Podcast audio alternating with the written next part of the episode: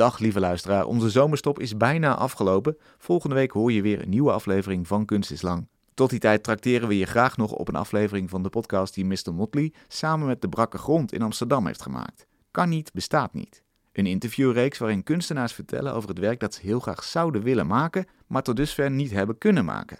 Volgende week dus een nieuwe aflevering van Kunst is Lang, maar eerst aflevering 1 van Kan niet, bestaat niet met Bertien van Manen. Van Manen, waarom druk je niet op die knop, weet je? Dat durf je gewoon niet. En het is, ja, ik, zoals ik zei, onverklaarbaar. Het is gewoon ehm, een beetje eng eigenlijk. Want je bent bang dat als je het wel doet, dat de hel uitbreekt.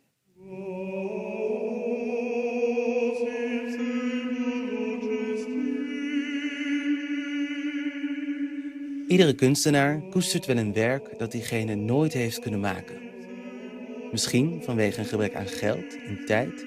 Wellicht zaten de zwaartekracht of andere natuurwetten dwars. Of bleek een ander al met dat ene geniale idee te zijn weggelopen. In deze podcast gaan Lineke Hulshoff en ik, Maurits de Bruin, met kunstenaars in gesprek over werken die het daglicht nooit hebben gezien en over de betekenis van succes versus falen. Je luistert naar een productie van De Bakke Grond en Mr. Motley. Dit is Kan niet, bestaat niet.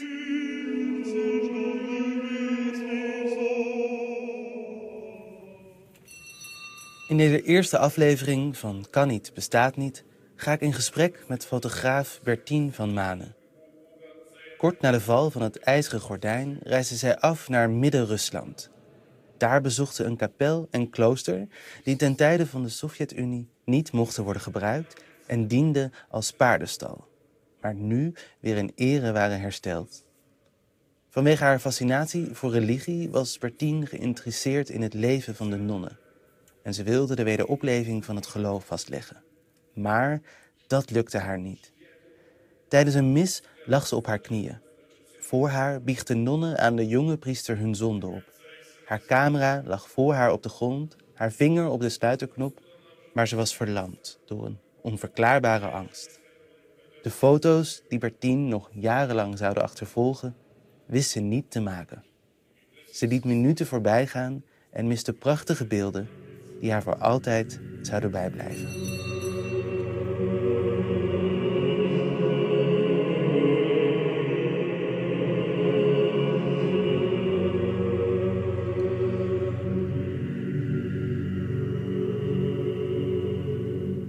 Misschien moeten we, of kunnen we heel simpel beginnen met waar zich dit afspeelde? Ja, het was in Mara Jaroslavets in Midden-Rusland in de jaar 1991, 92, zoiets.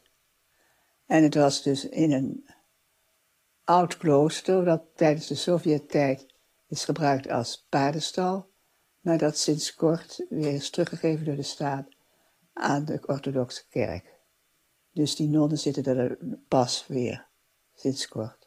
In een bijgebouwtje, want die, die uh, uit de stal was in de kapel. Mhm. En die kapel gebruiken ze nu dus weer als kapel.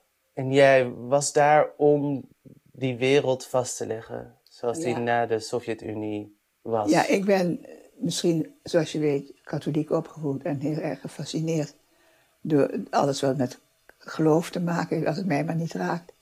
En dus was ik ook heel erg geïnteresseerd in die nieuwe kloosters weer in, in, in Rusland. En dus daar ben ik toen uh, terechtgekomen om dat leven van die nonnen weer vast te leggen.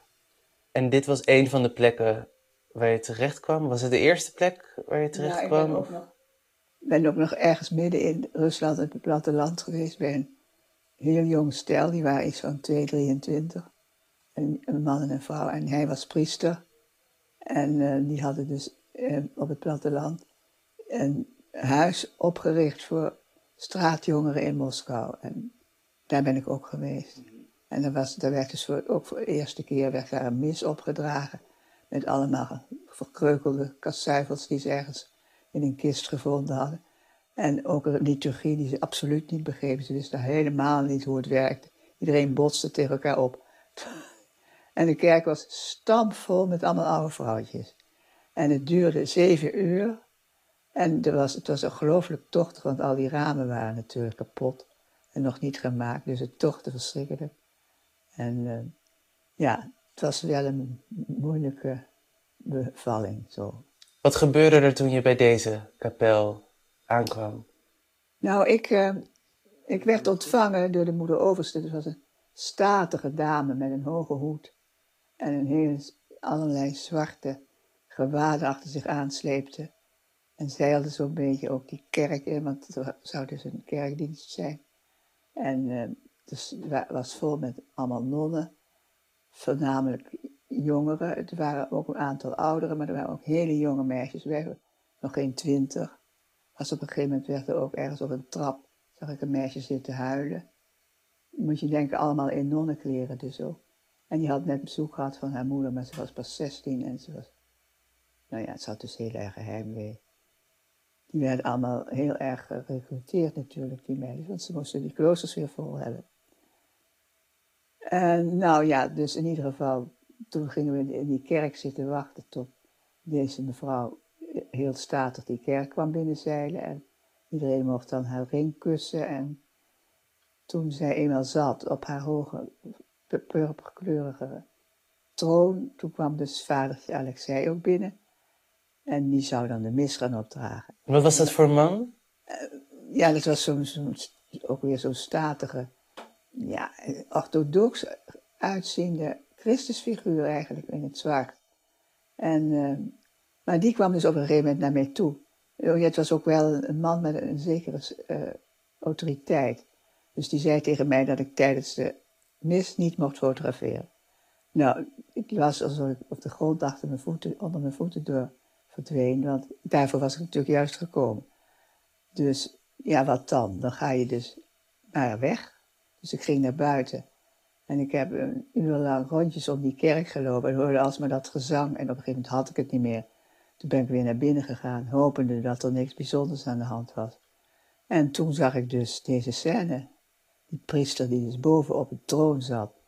En al die nonnen op hun knieën liggend om hem heen. En je had dus toch wel de camera in je handen. Dus je was niet zo. Je dacht, het was wel echt van plan om, ondanks de waarschuwing, de foto te nemen. Ik was zeker van plan om dat te doen. Maar zoals ik dat al zei, ik was dus verlamd door een soort onverklaarbare angst. En dat heeft natuurlijk te maken met mijn opvoeding. Ik ben katholiek opgevoed. En dat is tegenwoordig allemaal veel minder streng. Maar toen ik werd opgevoed, was dat allemaal nog van, helemaal van de oude stempel. Dus als een priester iets zei, dan deed je dat ook niet. En, en wat de kerk zei, dat was waar. En die geloofde het allemaal braaf. En dat zat nog zo in mijn hoofd dat ik uh, gewoon, ja, zoals ik zei, onverklaarbare angst had. En niet, niet op die knop kon drukken, terwijl ik er met mijn vinger bovenop zat. Onbegrijpelijk. Ja, je kan er achteraf ontzettend boos over worden. Ben je dat geweest? Ja, natuurlijk. Ja, maanden, jarenlang heb ik daar spijt van. Omdat ik dus een prachtige beelden gemist heb. Nou ja. En voor alle duidelijkheid, je was op dat moment niet meer gelovig? Nou, dat is het geheel. Nee, absoluut niet. Nee, al jaren niet meer. En toch schijnt dat uh, nog een rol te spelen in jouw brein. Dat je dan dus denkt dat. Je denkt helemaal niks, je doet gewoon niks omdat je verlamd bent, omdat je het niet kan.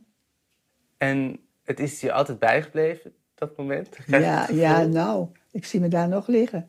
Denk van, van maanden druk nog op die knop, maar ik durfde het niet. Ik was ook bang voor het geluid van die shutter.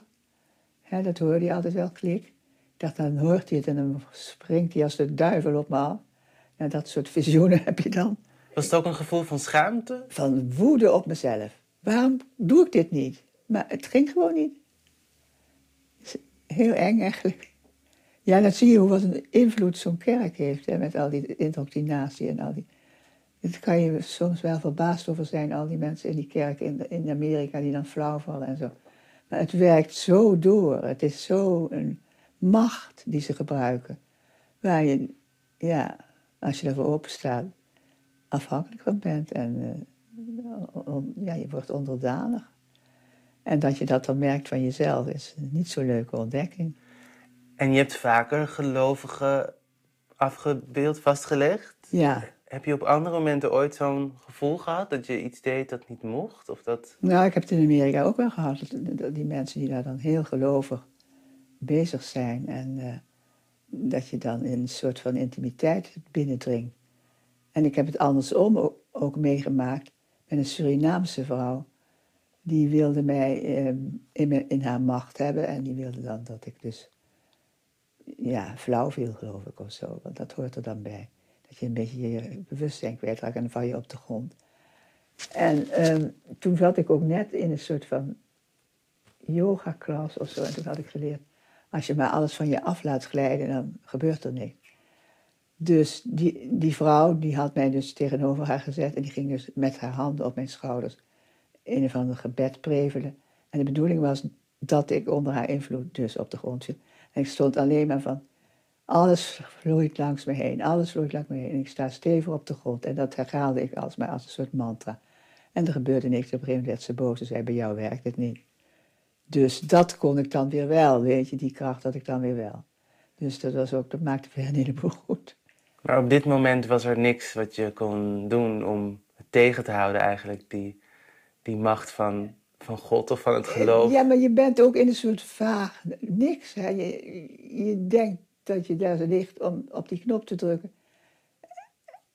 Van manen, waarom druk je niet op die knop, weet je? Dat durf je gewoon niet.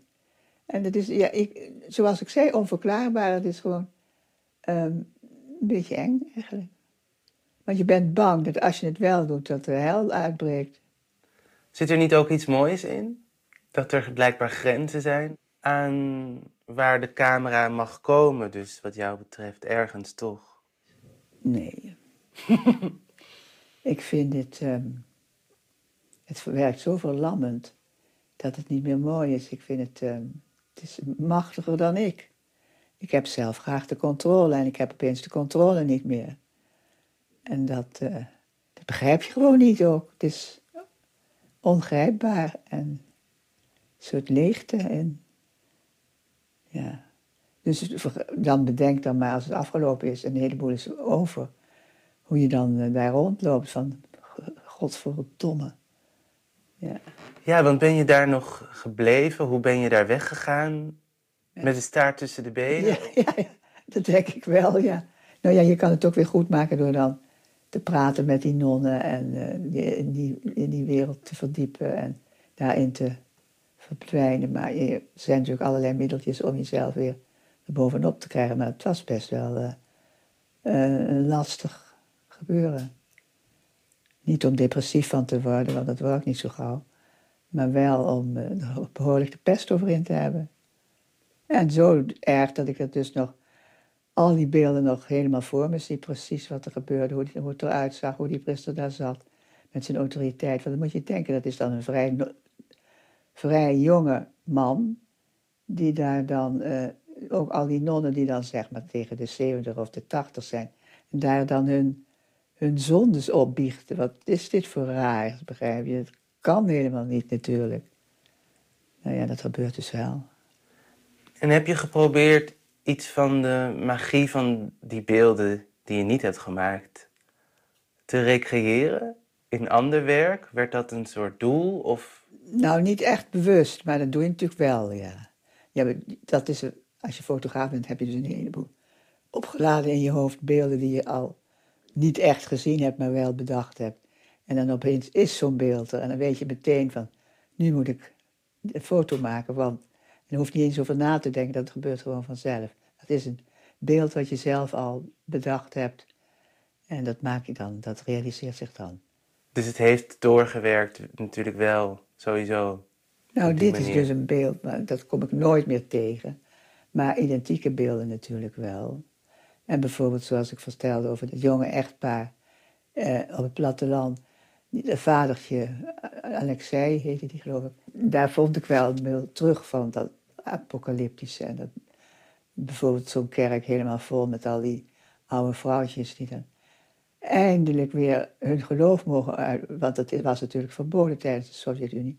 Nu mochten ze weer geloven en ervoor uitkomen. Dus die staan daar dan ook zeven uur te zingen en, en te bidden. En, terwijl die, het was echt belachelijk, want die die priester en al die jongens, die dan hem, het zijn dus allemaal mannen ook, die hem dan helpen en die geen idee hadden wat ze moesten doen en allemaal door elkaar heen liepen en uh, elkaar tegen elkaar opbotsten en vertelden, nee, dit moet je niet, dit moet je zo, dit moet anders en de gebeden waren ook totaal chaotisch. Het was een beetje belachelijke vertoning.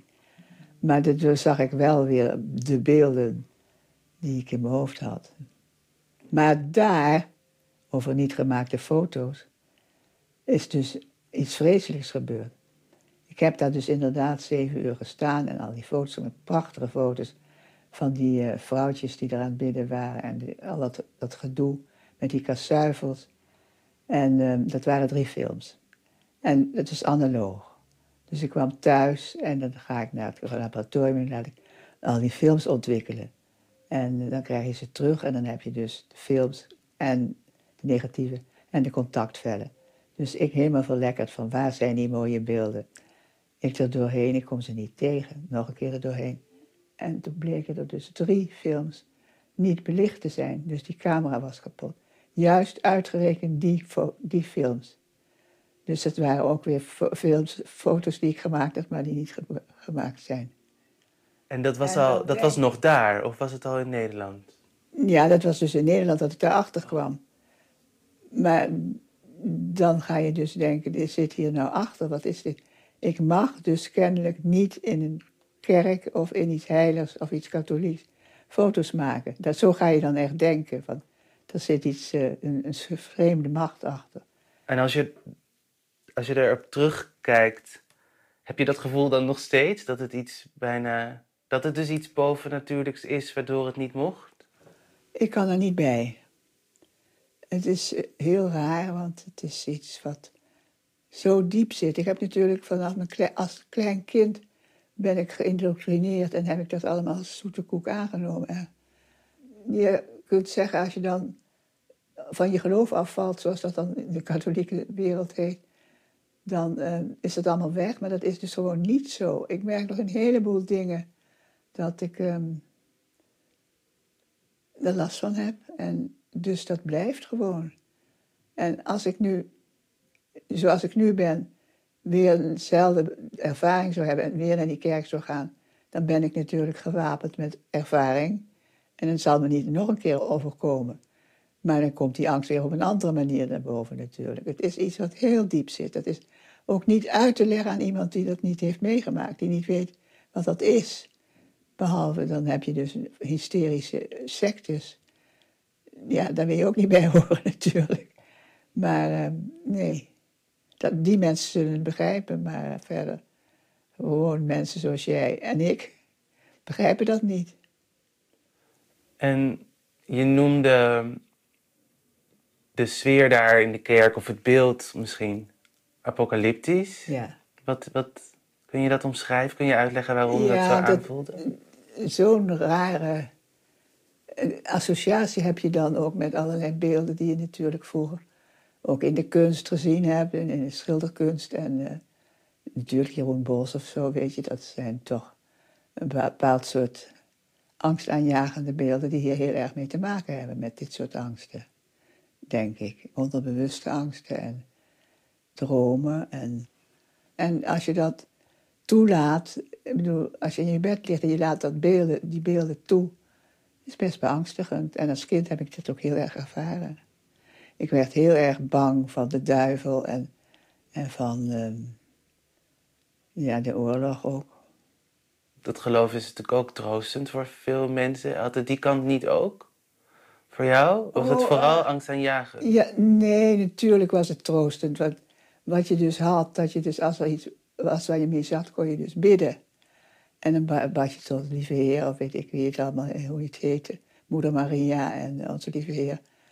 En engelbewaarder en zo, dat geloofde ik allemaal in. Dus dat geeft een soort van kracht en, uh, en troost inderdaad, zoals jij het noemt, ja. En dat het mis je ook. Ik weet wel dat ik toen op een gegeven moment besloten had van dit is allemaal onzin ben ik in een behoorlijk gat gevallen. En dat, eh, dat is heel verdrietig, want dan weet je niet precies hoe je dat op moet vullen, dat gat. Dat is echt heel eenzaam en uh, ja, dan opeens ben je al je houvast kwijt. Want je bad altijd maar tot... Als er iets misging, dan was God er wel, weet je. En dat is er dan opeens niet meer.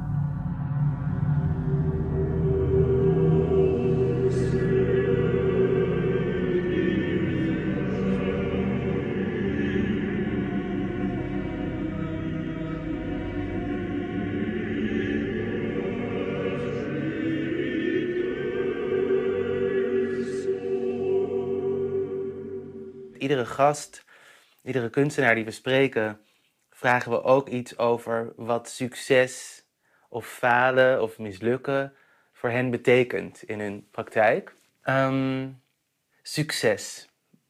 Is, is dat een woord dat betekenis heeft voor jou als, als fotograaf? Ja, kijk me aan, op een manier dat je denkt van, nou komt het. Ja, natuurlijk. Ik zou leren als het niet zo was. Het speelt zeker een rol. En uh, nou ja, kijk, fotograferen doe je in eerste instantie natuurlijk voor jezelf.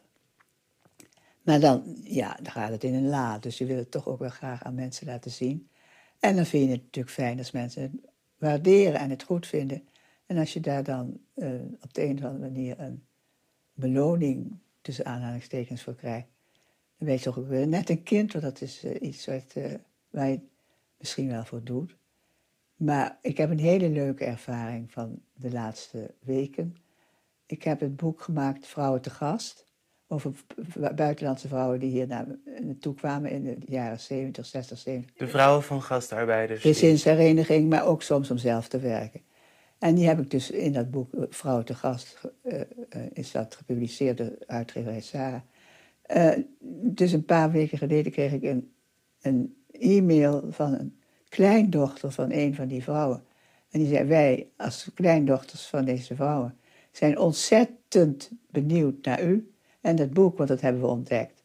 En u bent de enige die aandacht heeft besteed aan uh, onze grootmoeders in die tijd, die dus ook voor het eerst gingen staken of die afgesloten zaten in een kamertje. Dus wat hebben ze nou? Hebben ze mij uitgenodigd voor een grote tentoonstelling die komt in 2025 um, over um, deze vrouwen en over hun leven. En er komen dus familie in het Nederlands Foto-instituut, of museum bedoel ik, in, uh, in Rotterdam. En ja, ze hebben mij gevraagd als een soort van leidraad. En nu kreeg ik een paar dagen geleden een foto van een van die meisjes van... Raad eens bij wie ik nu ben.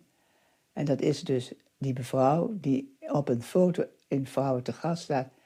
Daar staat dus een dansend meisje. Dat kijkt je heel erg stralend aan. In de camera kijkt ze. En heeft dus een selfie gestuurd van zichzelf met die vrouw. En die wil mij heel graag ontmoeten. Dus nou ja, zo is de cirkel rond. En dan denk ik, dit is zo prachtig. Dat is, dat is mooier dan welke prijs of, of wat dan ook. Dan, uh, ja.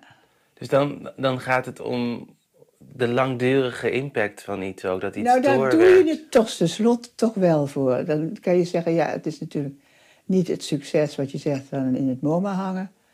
Maar wel, een, geeft, het geeft mij een heel, heel voldaan, bevredigd. Dat klinkt heel stom, maar dit geeft mij toch echt wel... Ja, ik ben er heel trots op eigenlijk. En dat dus er drie generaties overheen moeten gaan voordat dat gezien wordt. Ja. Dus het, het boek uh, vormt de blauwdruk voor die tentoonstelling? Ja. ja. Ja, grappig hè? Heel mooi. Ik kan me voorstellen dat dat je trots maakt. Ik vind dat helemaal niet vreemd. Maar ik ben wel benieuwd of dat...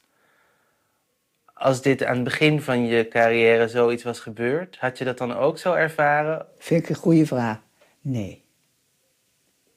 Nee, want toen, dan verwachtte ik het gewoon. Er was natuurlijk, er was wel respons.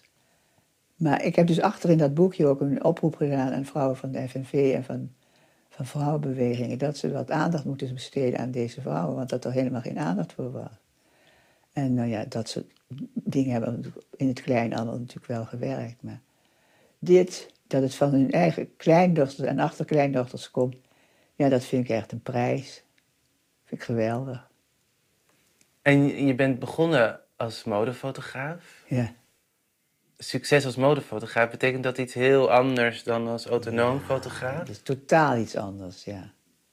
Daar heb ik dus inderdaad anderhalf jaar meegedaan. En vond, ik heb toen ook zo leren fotograferen. Bovendien heb ik toen een heleboel geld verdiend. Kon ik mijn apparatuur betalen. Maar het is niet een wereld waar ik nog verder in wou blijven, nee. Ik vind het toch erg... Uh, nee, het boeit mij niet zo. Ik zit liever... Ik wil heel graag reizen en de wereld zien en mensen ontmoeten. En uh, ik ben nieuwsgierig naar mensen. En in de modewereld is het natuurlijk allemaal maar masker en fake. En, uh, heel mooi hoor, maar niet om in te blijven. En toen je autonoom ging werken, duurde het lang voordat je vond wat je zocht? Of je je stem als autonoom fotograaf snel vond? Je stijl? Ja, ik was niet zo bezig met autonoom fotograaf. Ik was gewoon bezig met foto's maken. En uh, of het nou mooi was, maar het moest vooral krachtig zijn. En ik was ook nog wel fotograaf in het begin van de jaren tachtig. Toen alles zo nodig sociaal moest zijn. Had je, dat werd dan sociale fotografie genoemd. Dat was heel erg dominee-achtig Nederlands natuurlijk met het vingertje wijzen, maar ik heb daar wel aan meegedaan. Wat was dat, sociale fotografie? Hoe zou je dat typeren? Nou, dat was dus inderdaad bijvoorbeeld uh, gastarbeiders fotograferen of arme mensen, zoals het dan heette. En uh, ja, in achterstandswijken. Of uh, in de derde wereld. Of alles wat zielig was, mm tussen aanhalingstekens. Dus daar ben je een beetje in meegegaan? Ja, ben ik zeer in meegegaan, ja. Totdat ik op een gegeven moment ook. Ja, je vraagt je ook afvragen in hoeverre kun je iets bereiken met fotografie? Is het werkelijk wereld verbeteren? Nou, dat heb ik dus gezien met nu die, die kleindochters. Dat ik denk, als je maar geduld hebt, dan gebeurt het op een gegeven moment. En dat vind ik dus echt geweldig dat dit zo gebeurt. Maar. Uh...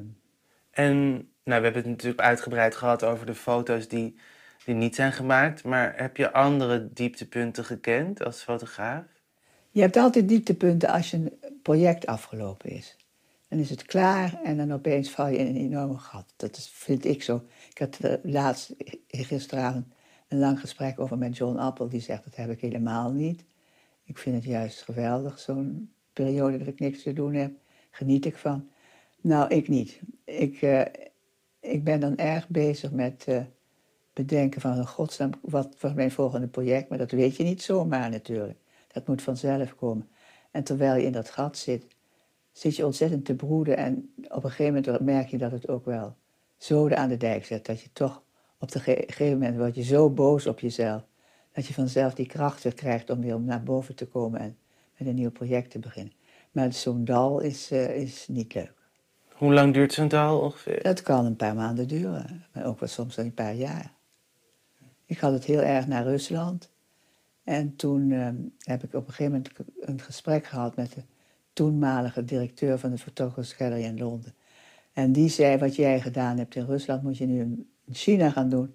Want China is in opkomst. Nou ja, dat was dus toen. Nu is China natuurlijk een hot item. En ga er maar gewoon doen wat je, daar, wat je in Rusland gedaan hebt. Dat was dus niet even doen.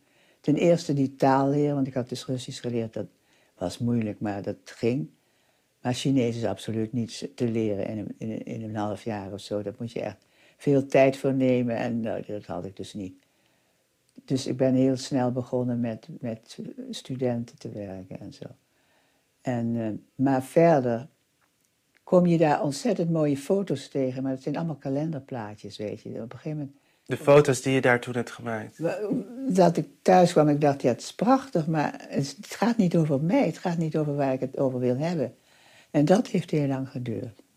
En is dat in China uiteindelijk nog gelukt? Ja, dus, nadat ik al iets van tien keer geweest ben of zo, was ik op een gegeven moment met vrienden in een flat.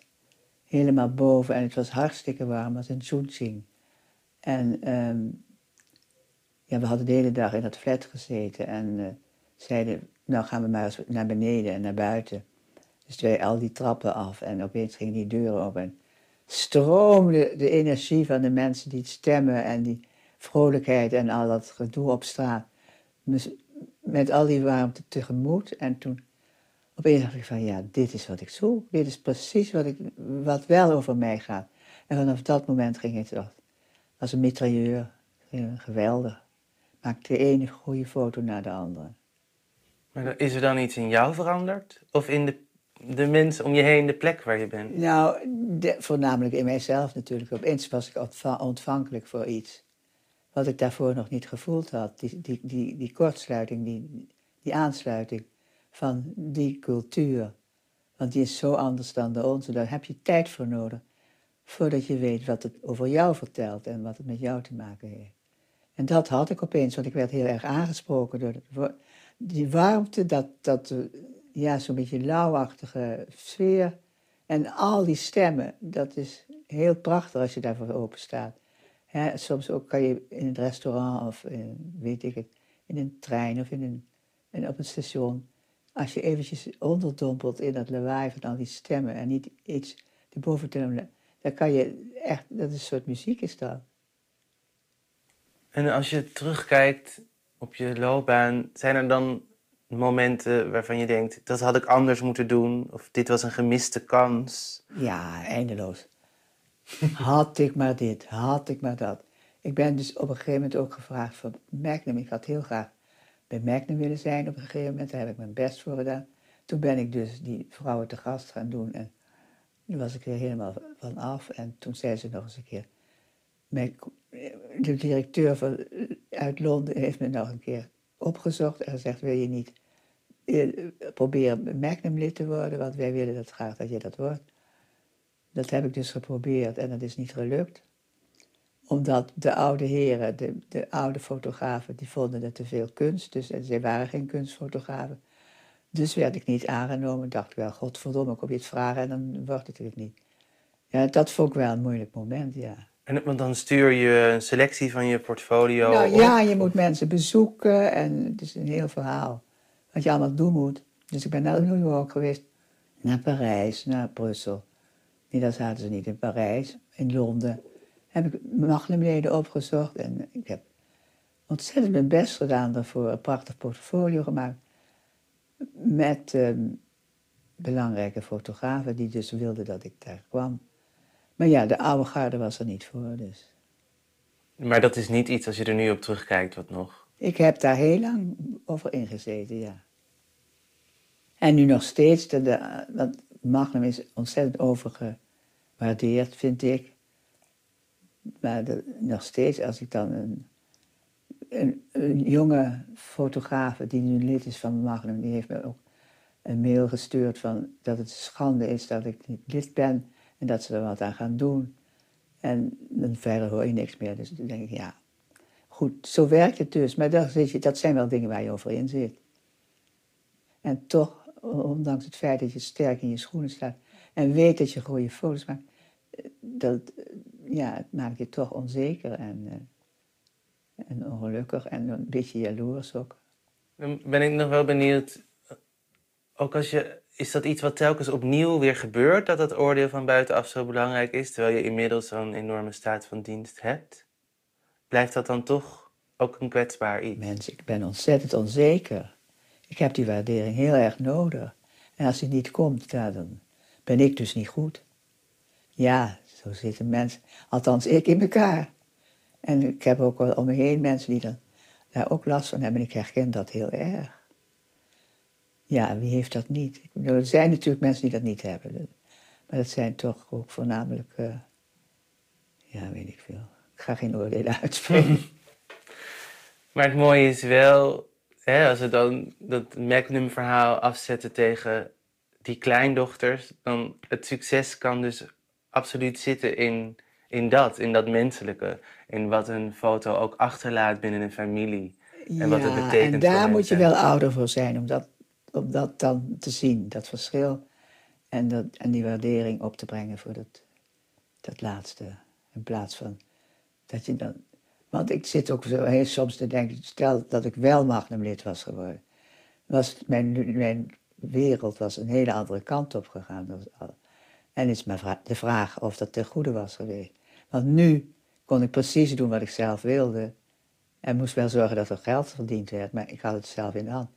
En als je bij Magnum zit, ga je toch rekening houden met wat zij willen. En ze je moet ook door geld afstaan, ik het allemaal wat. Dus uh, of het nou zo positief was geweest, weet ik niet. Maar ja, het is ook achteraf een beetje een zoethoudertje ook natuurlijk.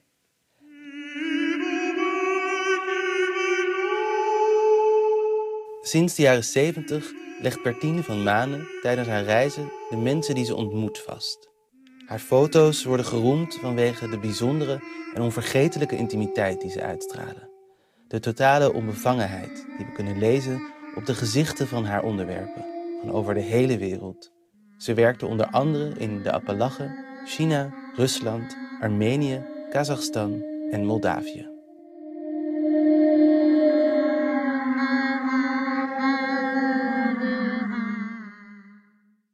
Kan niet bestaat niet is een productie van Vlaams Cultuurhuis De Bakke Grond en Mr. Motley. Deze aflevering werd gepresenteerd door mij, Maurits de Bruin. De edit, muziek en het sounddesign zijn afkomstig van Marie de Broek. Deze aflevering had niet gemaakt kunnen worden zonder Lineke Hulshof, Sophie Dochterom, Laure van den Hout en Wimke Dekker. De vormgeving is afkomstig van Noemi Biro. Kan niet bestaat niet kwam tot stand met steun van het Mondriaan Fonds.